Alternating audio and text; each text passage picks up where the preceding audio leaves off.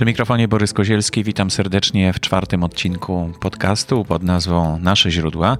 To jest odcinek specjalny, bonusowy. Jeden raz w miesiącu pojawia się taki odcinek, który e, omawia to, co wydarzyło się w wiki źródłach, e, jakie ciekawe teksty pojawiły się źródłowe właśnie w tym siostrzanym projekcie Wikipedii. E, a czasem zdarza się, że uda mi się zaprosić kogoś do mikrofonu. Tym razem jest to pani Dorota Folga Januszewska, polska historyk sztuki, muzeolog, krytyk, doktor habilitowana nauk humanistycznych, profesor nadzwyczajna warszawskich uczelni, profesor Akademii Sztuk Pięknych w Warszawie, prowadzi pracownię teorii i eksperymentu na Wydziale Grafiki od 2014 roku wicedyrektor Muzeum Pałacu Króla Jana III w Wilanowie. I właśnie do Wilanowa się wybrałem, żeby porozmawiać e, z panią dyrektor. Ale zanim jeszcze rozpocznie się ta rozmowa, chciałbym zaprosić e, Was do współpracy. Tak jak w czasopiśmie można mieć własną rubrykę, tak samo w podcaście Nasze Źródła możecie mieć swoją działkę, swoje, swoje miejsce, które będziecie wypełniać e, przynajmniej raz w miesiącu. No tak myślę, że ten odcinek który taki normalny, regularny się ukazuje raz w miesiącu, właśnie w ten sposób może być wypełniony, ale oczywiście też możliwość jest współpracowania w zupełnie, w zupełnie inny, szerszy znacznie sposób. A teraz zapraszam już do wysłuchania naszej rozmowy. Dzisiaj trafiłem do niezwykłego źródła, które jest tutaj blisko mojego miejsca zamieszkania w Warszawie, w Wilanowie dokładnie. E, źródła naszej kultury i do osoby, która zajmuje się tymi zbiorami, które dla nas przechowuje, e, które utrzymuje w takim stanie, żeby następne pokolenia też mogły z nich korzystać. Spotykam się z panią profesor Dorotą Folgą Januszewską. Dzień dobry. Dzień dobry państwu. Jest pani zastępcą dyrektora muzeum, tak? Tutaj? Tak, jest, jestem jednym z wielu pracowników Wilanowa, ponieważ e, to jest miejsce, w którym to, co, o czym pan powiedział, e, to utrzymywanie się obiektów dziedzictwa w niepogorszonym stanie jest zadaniem bardzo dużej grupy ludzi, ponieważ Wilanów jego historia i stan obecny to jest takie złożenie natury, przyrody, historii relacji przyrody do kultury, później tego, co mm, często nazywa się takim pięknym hasłem, że naturę mamy w kulturze, a kulturę mamy w naturze. E, no i oczywiście całą grupę mm, e, ludzi, którzy potrafią te walory naturalne i historyczne, kulturowe przełożyć na język nam współczesny. To jest najważniejsze zadanie muzeum, jakie jest. Po to są w ogóle muzea, żeby ten język żył wśród ludzi mówiących o tych miejscach i doznających określonych wrażeń, czyli przyjemności, miejmy nadzieję, z przebywania w takim miejscu. Ludzie są bardzo różni, którzy przychodzą do Wilanowa, więc e, zawsze podkreślam to, że jesteśmy otwarci na bardzo różne potrzeby, na ludzi oczekujących różnych wrażeń, od takich najbardziej popularnych i prostych, po bardzo wyrafinowane, po miłośników muzyki dawnej i współczesnej i po miłośników różnych eksperymentów artystycznych. Wilanów to integruje. Mhm. Ja mam wrażenie, jak tutaj przyszedłem, że im dłużej od momentu powstania takiego obiektu, który staje się źródłem potem naszej kultury, tym bardziej o niego dbamy. E, I w tej chwili widzę, że Wilanów y, dużo lepiej wygląda niż 5 lat temu. Na pewno dużo lepiej wygląda niż 20 lat temu i 60 lat temu.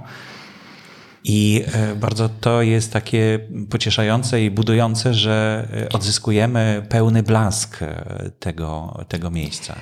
Wie pan, proces życia zabytków, tak zwanych zabytków, czyli proces dziedzictwa. Dzisiaj się coraz rzadziej mówi o zabytkach, a coraz częściej mówi się o tym, że takie miejsca jak Wilanów to jest złożenie dziedzictwa materialnego i niematerialnego. I to jest bardzo ważne.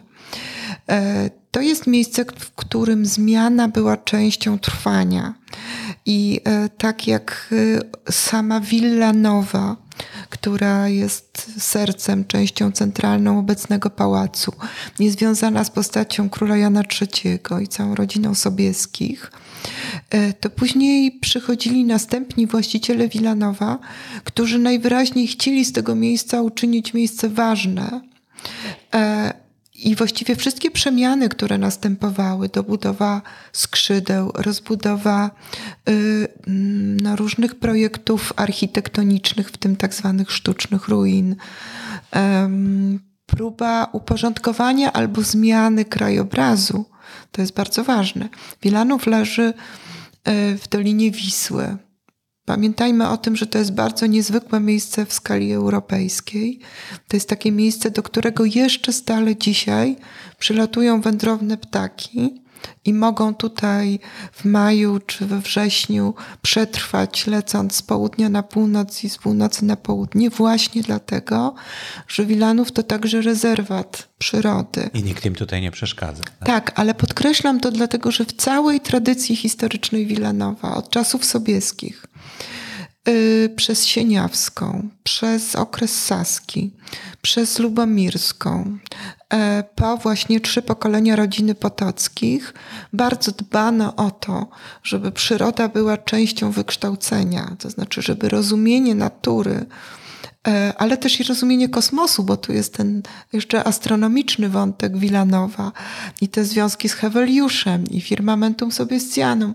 Więc jak y, badamy historię Wilanowa, to właściwie dotykamy całego świata, a co ciekawe, dotykamy tego świata bardzo daleko, dlatego że jak zastanawiamy się nad tym właściwie, o co tu wchodziło, to się okazuje, że chodziło o kolekcjonowanie, kolekcjonowanie wiedzy i przedmiotów, kolekcjonowanie też sztuki. Teraz na przykład najnowsze badania pokazują, jak mm, e, Jan Sobieski e, prowadził korespondencję z cesarzem Chin i pierwsza właściwie kolekcja chińskich przedmiotów i porcelany chińskiej w tej części Europy była tutaj w wyniku daru cesarskiego.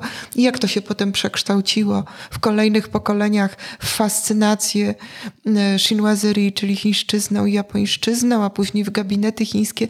To jest zupełnie niezwykłe, że to miejsce Wilanów przetrwało niezniszczone, bo nie ma wiele miejsc wokół Warszawy czy w Warszawie, które nie były zrujnowane. E, I te warstwy, ta historia jest jakby zamknięta w tym e, obszarze i natury, i budynków. Tak? Każda, każdy remont to odkrycie. Każdy remont to nie, nie tyle pokrycie, co odsłonięcie. A każda praca w ogrodzie to stanowisko archeologiczne. Więc e, to jest właśnie ten, to, co pan nazwał skarbem narodowym, czy skarbem historii narodowej, to jest istnienie tych warstw. Niestety w polskich warunkach y, historycznych, na skutek wielu wojen, zwłaszcza dwudziestowiecznych zniszczeń, takich miejsc jest niewiele. Ale chciałbym namówić Panią na sięgnięcie do prehistorii y, tego obiektu. Mm -hmm czyli do momentu, kiedy on został założony, jeszcze sprzed zakupu jego przez, przez króla, który się odbył w 1677 roku, jak przeczytałem na stronie. Tak, tak. Co tu wtedy było?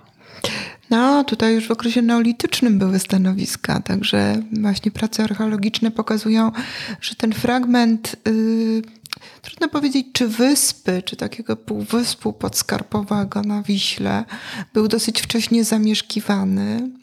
Potem prawdopodobnie była, była siedziba, yy, dlatego że w momencie, w którym za, yy, już na zamówienie Sobieskiego zaczęto wznosić tą willę włoską, yy, zarejestrowano pozostałości fundamentów, nie wiemy czego dokładnie. Mm, tutaj było wiele koncepcji, ja nie będę ich przytaczać, dlatego że każda z nich jest troszkę inna. Niemniej prawdopodobnie w XVI wieku była tu jakaś budowla, która miała charakter dworu, czy jakiejś takiej, czy takiego domu, który, który należał do właścicieli. Mm, bardzo często z Leszczyńskimi, z Bogusławem Leszczyńskim ta budowla była łączona, ale tak naprawdę nie mamy zapisów, czyli nie mamy rejestracji rejestracji, które by to potwierdzały. Za to, no właśnie od tego momentu, od tych lat 70., w wieku XVII, no wiemy już, że miało to być miejsce, w którym król, który bardzo nie lubił Zamku Królewskiego w Warszawie, e, chciał e, rezydować w takim obszarze, który jest blisko stolicy, jednocześnie jest wygodny, to znaczy posiada zaplecze czystej wody, a z trzeciej strony no, jest wznoszony według ówczesnych trendów architektury barokowej w takim stylu włoskim, stąd Villa Nowa i to pomieszanie miejscowości Milanów z tą willą nową no, dało początek y, nazwie Wilanów. E, który do dzisiaj zresztą, jak się szuka rysunków i materiałów dotyczących tego miejsca, właściwie nas w zbiorach na całym świecie, to najczęściej jest pod e, hasłem Villa Nowa lub Villa Nowa przez V. Tak na przykład znalazłam rysunki pokazujące wnętrza Nowa w British Museum w XIX wieku sporządzone. Także to było miejsce znane.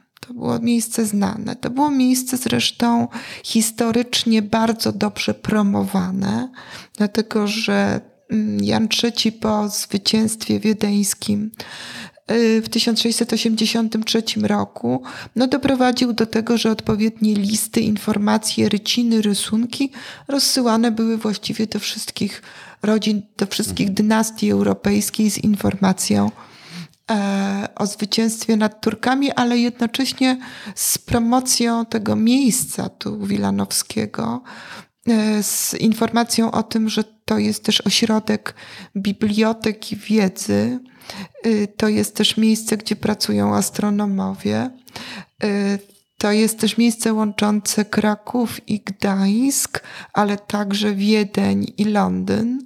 Także to jest niezwykle ciekawa historia wizji tak, utworzenia takiej sieci informacyjnej w XVII wieku, no, która oczywiście zadziałała. I dzisiaj, e, kiedy studiujemy różnego rodzaju zasoby biblioteczne czy archiwalne, czy to w Szkocji, czy w Irlandii, czy na Wyspach Brytyjskich, czy we Francji, czy w Wiedniu, e, ale też w Pradze czeskiej, e, w Sztokholmie, znajdujemy informacje o Wilanowie. E, tutaj cały nasz zespół e, pracujący nad historią Wilanowa zgromadził do tej pory prawie 17 tysięcy rękopisów e, bardzo różnych, różnego autorstwa od właścicieli wilanowskich. No i dzisiaj studia nad tymi rękopisami, studia nad zachowanymi inwentarzami, bo to jest ważne, wilanowskimi, to jest po prostu obraz tych przemian e, dziedzictwa, tych, tych przemian też myślenia, sposobu zarządzania. E, także to jest naprawdę fascynujące miejsce, dlatego że, jak to ładnie mówią historycy, dowodne, czyli posiadające opisy. Oczywiście krytyka źródeł to jest część nieodzowna wiedzy historycznej, więc nie wszystkim też zapisom i informacjom możemy w pełni zaufać, ale to, że one nawet są czasami przesadzone czy fałszywe, to też jest dowód na pewien czas i na pewne tendencje i to też jest bardzo ciekawe. Także historia Wilanowa, o którą Pan pyta, zaczynająca się właściwie około połowy wieku XVII, mm, zaczyna się w sposób zupełnie niezwykły jak dla polskiej tradycji, bo e, opisany. Mhm.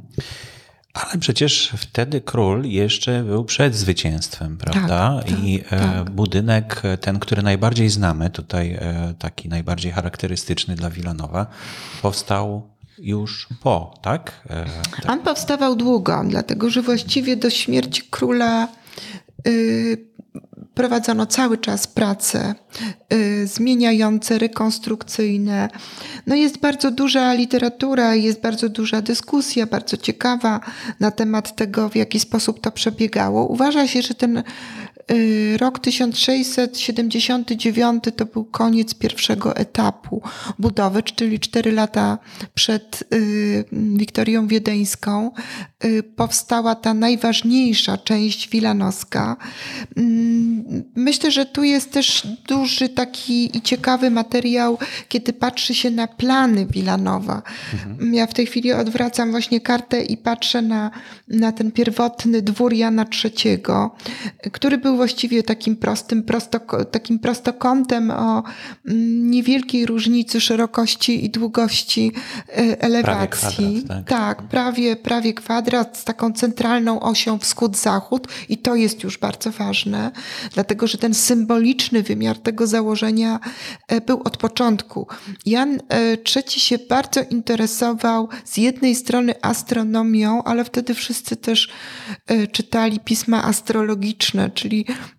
to, co odkrywano z obserwacji nieba, bardzo szybko przepisywano na pewne proroctwa i, przy, i takie przywary lub cechy miejsc i ludzi. I myślę, że tutaj też dołożono bardzo dużo starań, żeby promocja Wilanowa przebiegała jako kosmiczne wydarzenie. Mm, dlatego niemal każda część y, założenia ma y, mm, takie odesłanie do symboliki kosmicznej, do stron świata, do nieba. Później mm, król zamówił słynnego europejskiego matematyka kochańskiego zegar słoneczny, innowacyjne rozwiązanie pokazywania czasu w zależności od kąta nachylenia y, padających promieni słońca. Więc y, od samego początku to było takie miejsce przepełnione podwójną treścią, czyli z jednej strony y, architektura, rzeźba, dekoracje malarskie, które były bardzo udane, chociażby jak malowidła Stecha, ale z drugiej strony y, dla tych, którzy wiedzę posiadali, od razu jest to wprowadzenie, jest to klucz do dalszych poszukiwań. Biblioteka y, mm, Jana III, która znajdowała się w Wilanowie, czyli w tej słynnej sali uczt, najwyższym pomieszczeniu Wilanowa, czyli Pałacu Wilanowskiego, ona się później oczywiście znalazła w Trokach, dzisiaj na Ukrainie. Także nie wszystkie fragmenty Y, należące do rodziny Sobieskich zachowały się tutaj na miejscu. Niemniej wiemy, jak prawdopodobnie mogły wyglądać, dlatego że zachowały się inwentarze i opisy. Także te etapy prac y, przy samym pałacu no, następowały płynnie jedne po drugich 80, 1682 roku z całą pewnością wykonano już y, przebudowę tego pierwotnego dworu, założono przy nim ogrody. No i wtedy już wiadomo było, że elewacja frontowa musi mieć taką symbolikę odwołującą się do króla jako panującego nie tylko nad światem doczesnym, ale również symbolicznym. No i ten Wilanów jest chyba najbardziej znany, prawda? Tak, to znaczy tak. on jest naj, najlepiej opisany. Tutaj cały czas mamy do czynienia z odniesieniem do mitów greckich i rzymskich, E, z kolei związek y, z Marie d'Arquin, czyli Marysieńką, czyli wielką miłością Jana III, to też druga warstwa to takiego. Dla niej, tak? Tak. To znaczy, no, czy dla niej, ale na pewno z nią. E, druga warstwa takiej intymnej relacji, która jest zakodowana y, w wyobrażeniach malarskich, w symbolice tych wyobrażeń malarskich. I właściwie elewacje Wilanowa, dekoracja Wilanowa to jest nieustająca opowieść. Dlatego też w różnego rodzaju przewodnikach, audiobookach czy telefonicznych systemach informacji o pałacu. Bardzo dużo jest tej wiedzy mitologicznej związanej z pałacem i o Wilanowie można opowiadać jako o fragmencie historii Polski, ale też absolutnie jako o historii mitologii i kluczu mitologicznym rozumienia władzy królewskiej, ludzkiej, męskiej, kobiecej, posiadania dzieci, co zresztą w bardzo piękny sposób przeniosło się na dzieci pary królewskiej, dlatego że zarówno to małżeństwo syna, jak i córki, czyli przekazanie tej wiedzy i do Bawarii, i do mm, Szkocji, i do Anglii sprawiło, że ten mit sobieskich, mit kultury sobieskich y, właściwie w, na przykład w wieku XVIII był mocniejszy prawdopodobnie poza granicami Rzeczypospolitej niż tutaj na miejscu. To mm, w historii polskich y, władców niewiele było tak niezwykłych osobowości, tak znakomicie promowanych za życia. Mhm. Jeszcze chciałem wrócić do e, tej całej posiadłości, którą zakupił król Jan III Sobieski, bo robiąc inną serię podcastów na temat lasów Warszawy, mhm. trafiłem do lasu po drugiej stronie Wisły, który nosi nazwę Jana, króla, króla Jana III Sobieskiego. Czy to była część tych terenów, które w jednym czasie zostały kupione i zarządzane później? Nie jesteśmy tego pewni. Te dobra wilanowskie były bardzo rozległe. Trzeba pamiętać, y, że oprócz y, pałacu był też y, teren upraw, teren ziemi. Trzeba pamiętać, że Wisła była trochę w innym miejscu. Trzeba też pamiętać o tym, że właściwie granicą posiadłości była skarpa wiślana i ten obszar chyba aż do obecnego Konstancina y, był takim obszarem nieustannie się zmieniającym. To jest bardzo ciekawe dzisiaj, kiedy używamy drony do kontroli terenu i kiedy widać już na przykład z roku na rok, jak zmieniają się brzegi jeziora Wilanowskiego, czy tych kanałów łączących ze sobą te, te akweny i z Wisłą. No i sama Wisła, która chyba kilkakrotnie zmieniała położenie wobec pałacu. Są takie rysunki zachowane w Albertinie w Wiedniu, akwarele, które pokazują, że właściwie wody podchodziły prawie że pod sam taras wschodni pałacu. A jak Państwo pójdziecie do parku, to zobaczycie, tam jest drzewo, na którym oznaczono poziomy wód, oczywiście powiązanych z powodzią, ale skutki tych powodzi polegały między innymi na zmianie lokalizacji tych, tych akwenów. Y, także mm, to, co dzisiaj uważamy, że jest po drugiej stronie Wisły, mogło być też częścią e, przynależącą do tych rozlewisk, bo Wisła, mhm. Wisła się przesuwała. E, bardzo ciekawy jest e, w tej chwili takich zespół, zespół metod badawczych, które z jednej strony pozwalają na badania gruntu czy badania ziemi, ale z drugiej strony obserwują w takiej już większej skali no, przesuwanie się terenów. I to jest ciekawe, że właśnie pod budowę dworu y, Bogusław Leszczyński, a potem, a potem Sobiescy wybrali takie jedno z nielicznych miejsc w tej okolicy, które się niewiele zmieniło, to znaczy, które było na tyle stabilne, że przetrwało te, te cztery y, wieki. No, należy sądzić, że w kontakcie z astrologiem byli, więc wiedzieli, co robią. No, y, nie wiemy, jak to było wcześniej, czyli w XVI wieku.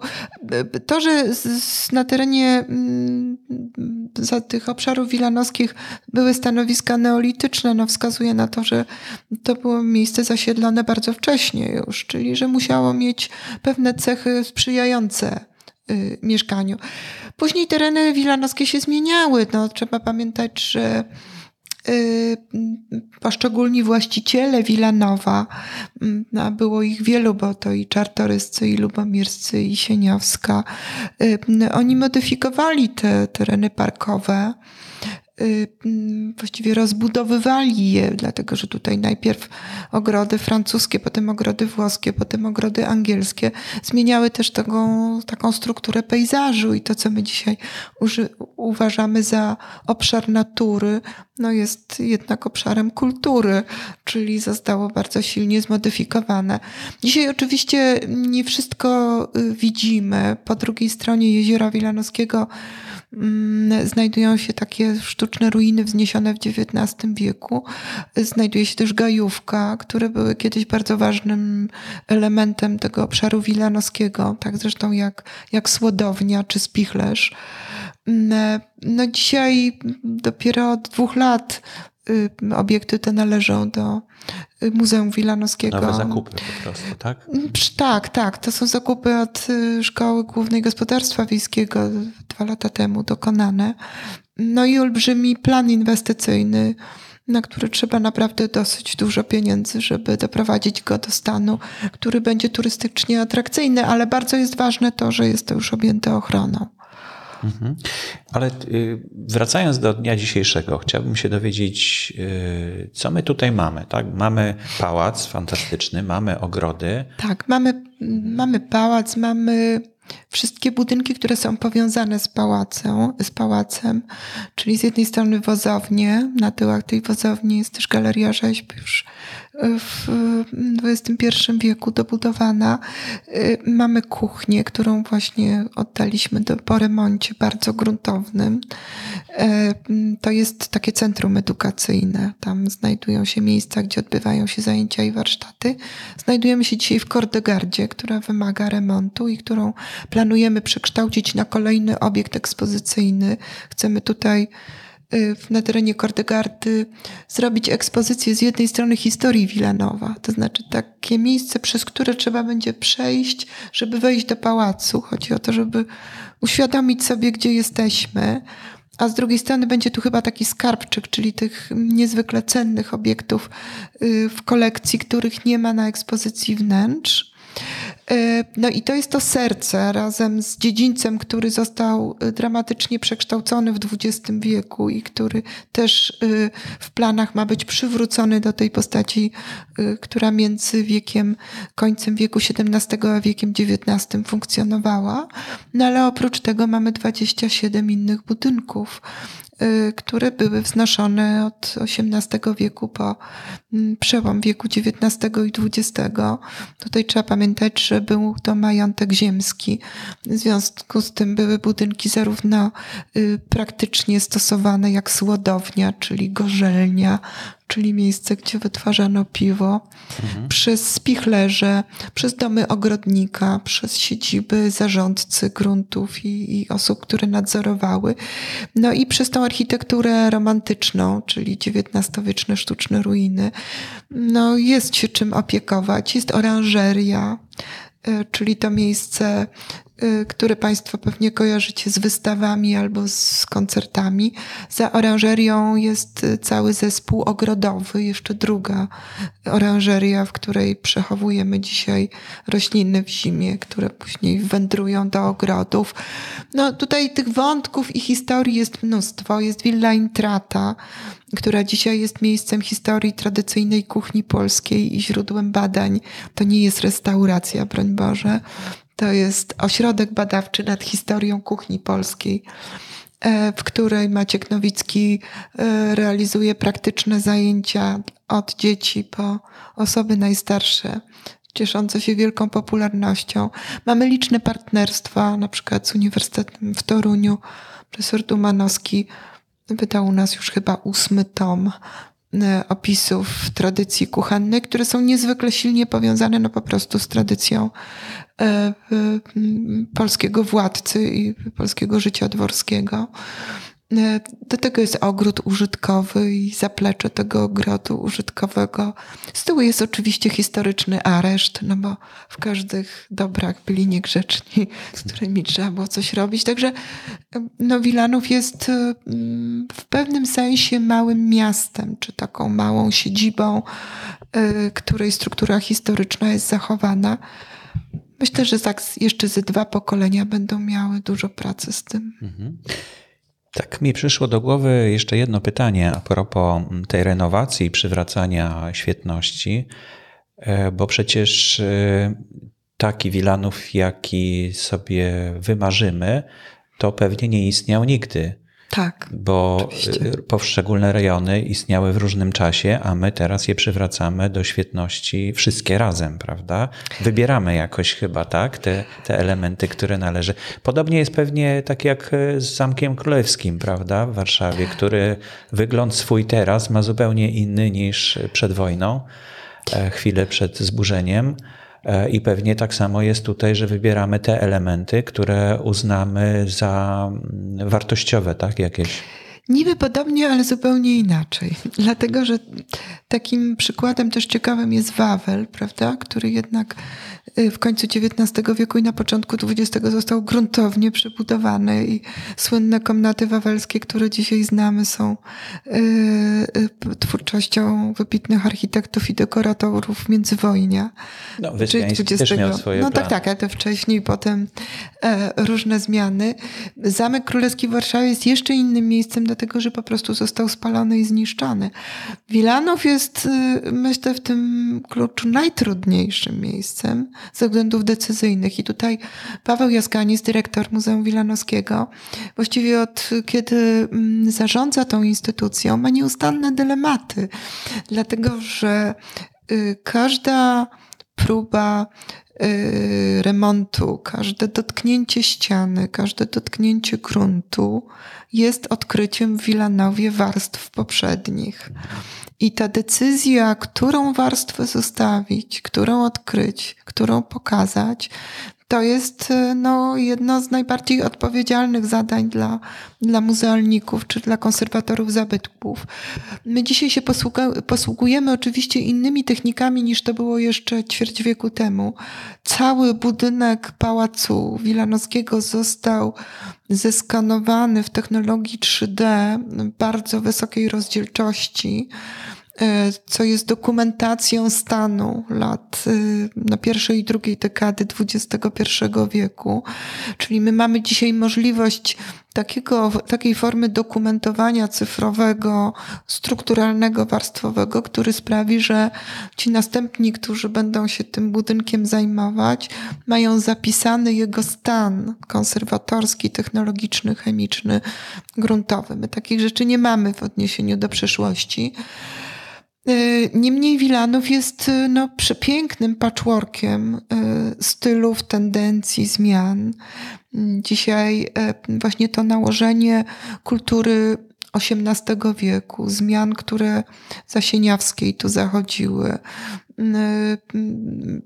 zobaczenie dzieł mistrzów saskich przywożonych z Drezna w czasie rezydencji Mm, saskiej w Wilanowie, później obecność lubomirskiej, czartoryskich i lubomirskiej.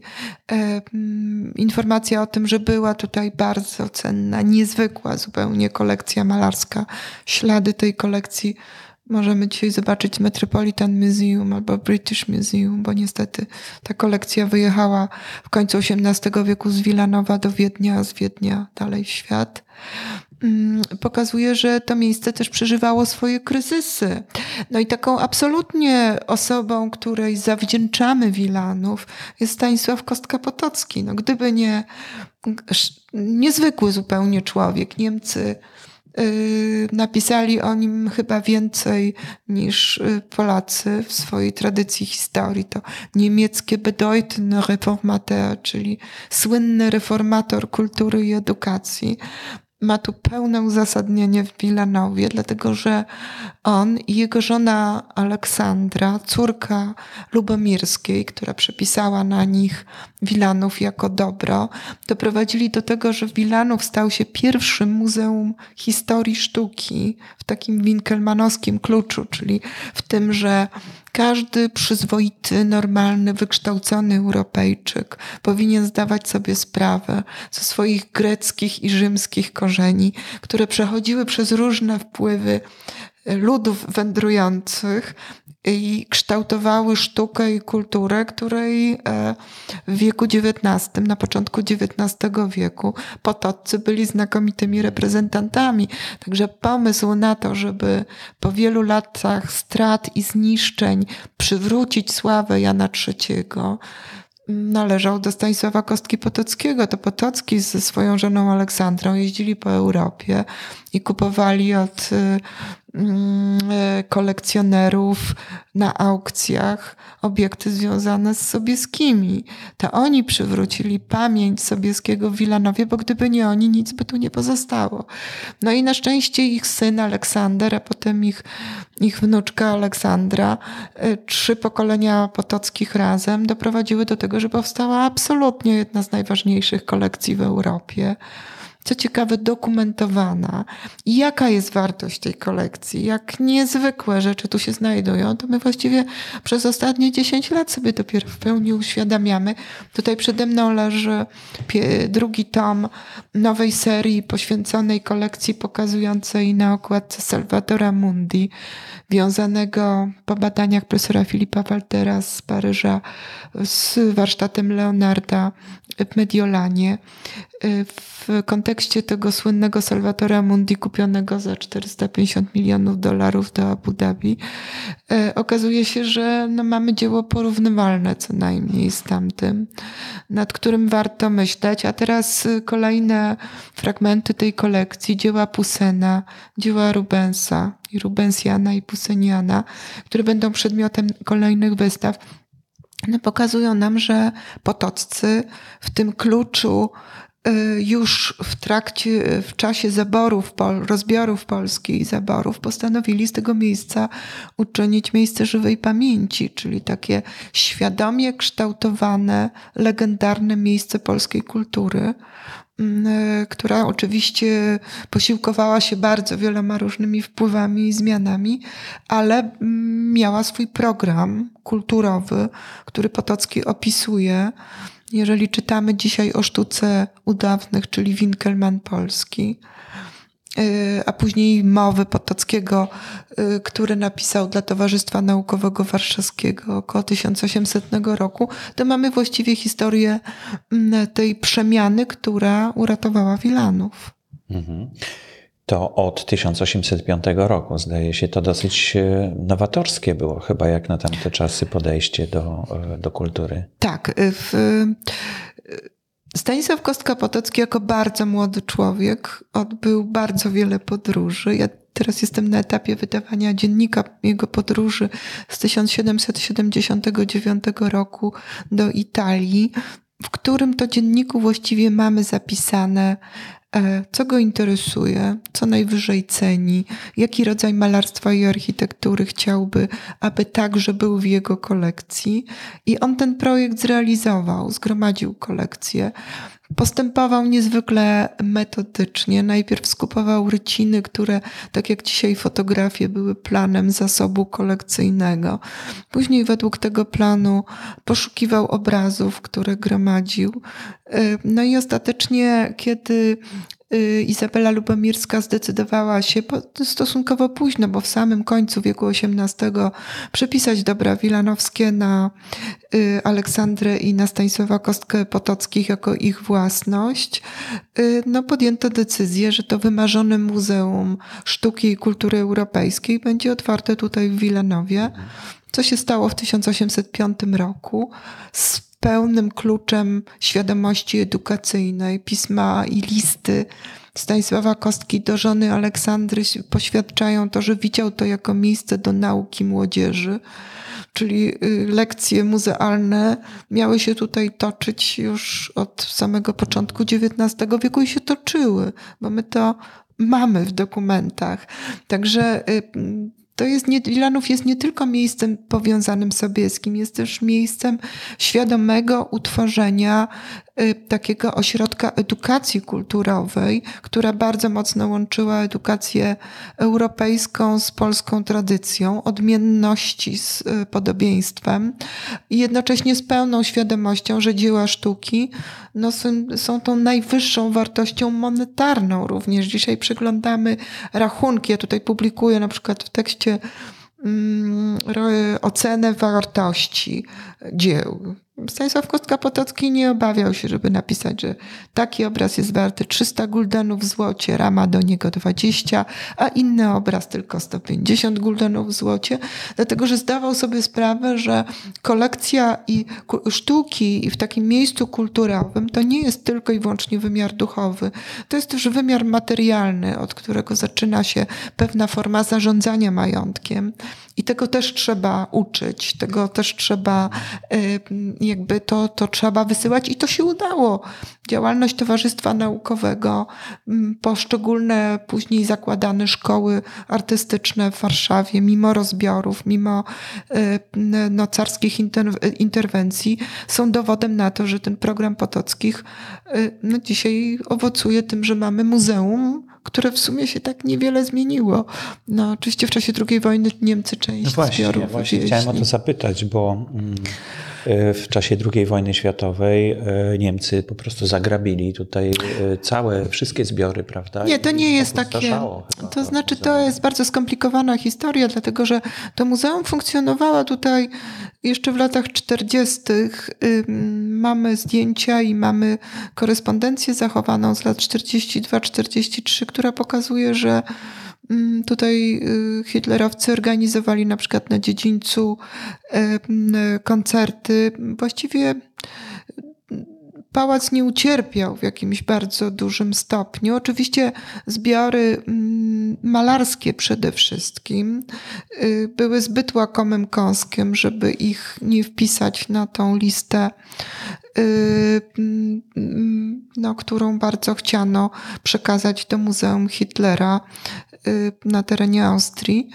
Y, no i jakaś część kolekcji wilanowskiej, mamy dokumentację tego, została wywieziona, a potem znaleziona i częściowo przywrócona. No właśnie, czy wszystko już odzyskaliśmy? Nie, czy są rzeczy, nie. o których nie wiemy, jaki jest ich los? Jak to wygląda? Y, według mojej oceny dzisiaj jakąś jedną trzecią, może 40% tej kolekcji mamy. Y, poszczególne inwentarze zbiorów wilanowskich które były dosyć dobrze przygotowywane, y, pokazują nam mniej więcej, że pewne rzeczy y, jakby znikały z Wilanowa, czy były przekazywane do innych dóbr potockich, czy w wyniku dziedziczenia, jak chociażby w związku z przejęciem części kolekcji do Krzeszowic w końcu XIX wieku, no były transferowane. To było coś zupełnie normalnego. Lubomirska była właścicielką łańcuta, w związku z tym wiemy, że na przykład niektóre cenne obrazy były raz w łańcucie, raz w Wilanowie, raz w innych siedzibach, a raz w Pałacu Potockim w Warszawie. Więc e, to nie jest tak, że mm, my możemy powiedzieć jednoznacznie, że to, co, co, czego nie mamy, to jest y, zagrabione przez Niemców. Jakaś część na pewno tak. Y, cały czas no to duża część, tak? Mówi pani dwie trzecie. Mniej. No tak, ale te dwie trzecie to jest już w latach 30. czy 20. XX wieku już ich tu nie było. Trzeba pamiętać, że na skutek różnych kłopotów majątkowych Między innymi Branicy ofiarowali no całą bibliotekę. Tak, tak, ofiarowali bibliotekę y, Bibliotece Narodowej.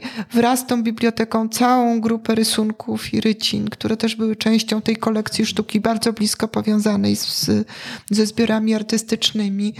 Mm, część y, tej kolekcji wcześniej podarował Stanisław Kostka-Potocki dla tworzonego Uniwersytetu Warszawskiego i dzisiaj to jest w Buwie.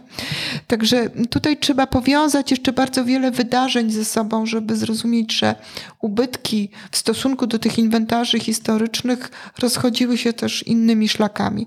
To, co Niemcy wpisali na tą listę y, szczególnie cennych obiektów polskich, które, które wywieziono do Berlina, no to wiadomo, no i część z nich wróciła, część z nich jest nadal poszukiwana.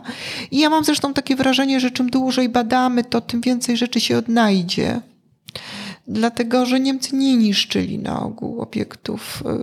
Najczęściej one potem trafiały w latach 40., 50. do zbiorów prywatnych. No i gdzieś tam funkcjonują i żyją. Dzisiaj powszechna cyfryzacja domeny publicznej, skanowanie i upublicznianie sprawia, że regularnie co jakiś czas pewne obiekty się ujawniają. No, kolekcja Wilanowska, tak jak mówię, ma dokumentację i to jest jej jej bardzo wielka siła. I, Czyli jest szansa, że tak, wszystko tak, kiedyś wróci. Tak, a poza tym ta korespondencja, którą teraz opracowujemy, y, bardzo liczne materiały zachowane w archiwach wilanowskich, w Agadzie, w archiwach dawnych, których mamy do skany, no, sprawiają, że już inaczej y, interpretujemy różne wydarzenia, które, mhm. które historycznie miały miejsce. Ludzie nie mieli czasu czytać archiwaliów. To nie jest łatwe, bo y, one właściwie do połowy XIX wieku były pisane wyłącznie w języku francuskim ten znajomość języka francuskiego dzisiaj nie jest powszechna, tak jak to jeszcze było dwa pokolenia wcześniej. Więc też i niełatwo jest znaleźć specjalistów, którzy to opracowują, no ale na szczęście ten proces jest w tej chwili. Teraz to raczej angielski jest tak, takim tak, językiem. Tak, teraz jest to realizowane. Drugim. E, bardzo dziękuję za tą rozmowę, mm. za te opowieści. Nie opowiedzieliśmy jeszcze o kolekcjach, e, które są dostępne, ale myślę, że poprzez stronę mm. internetową można e, zobaczyć, co tutaj można odwiedzić. I zapraszamy do odwiedzin w Wilanowie, bo zmienia się w XXI wieku naprawdę gwałtownie i szybko. No taki jest proces chyba wszędzie. Chcę tylko powiedzieć, że pasaż wiedzy, bo tak się nazywa ta nasza strona internetowa, ona jest pozornie męcząca, bo rzeczywiście tam jest kilkanaście tysięcy tekstów i reprodukcji. Niemniej jest przeszukiwarka, więc jeżeli ktoś chce coś znaleźć konkretnie i szybko, to może. Są też teksty opisujące bardzo powiedziałabym syntetycznie, ale też i bardzo merytorycznie, y, krytycznie y, te badania, które nad Wilanowem były prowadzone. I możecie Państwo znaleźć zarówno informacje o metodach cyfrowych, dokumentacji, o bardzo zaawansowanych procedurach konserwatorskich, jak i historię źródeł, baśni, opowieści, mitów, no, bardzo szerokiego zakresu nauk humanistycznych, które są niezbędne, żeby takie miejsce opisać. Mhm. Pani profesor Dorota Folga-Januszewska była moim gościem. Dziękuję bardzo. A właściwie ja byłem gościem u Pani, bo jesteśmy w Wilanowie. Dziękuję bardzo i zapraszamy.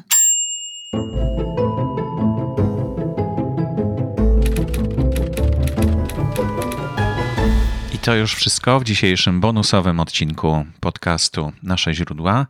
E, zapraszam do zapisania się na subskrypcję e-mailową. E, w chapterach, w notatkach do audycji jest link, który wystarczy kliknąć, żeby otrzymywać po każdym ukazaniu się odcinka e-maila e, z informacją o tym, że jest nowy odcinek. Ale najlepiej subskrybować odcinki poprzez jakiś czytnik. Polecany czytnik to Pocket Casts.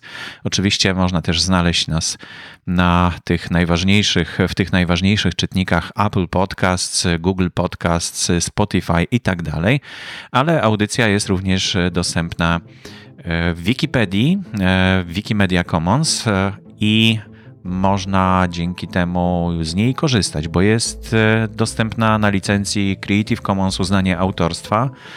E, uznanie autorstwa można oznaczyć pozostawiając zapowiedź końcową, właśnie tą, której w tej chwili słuchacie, lub w przypadku wykorzystania fragmentów poprzez zamieszczenie informacji wykorzystano fragment podcastu pod tytułem Nasze źródła. E, projekt realizowany jest w ramach nieodpłatnej działalności statutowej Fundacji Otwórz się. Będziemy bardzo wdzięczni, jeśli zechcesz pomóc w produkcji kolejnych odcinków, przekazując darowiznę na konto, które można znaleźć na stronie otwórzsie.org.pl ukośnik dotacje. To wszystko już. Dziękuję bardzo. Do usłyszenia wkrótce.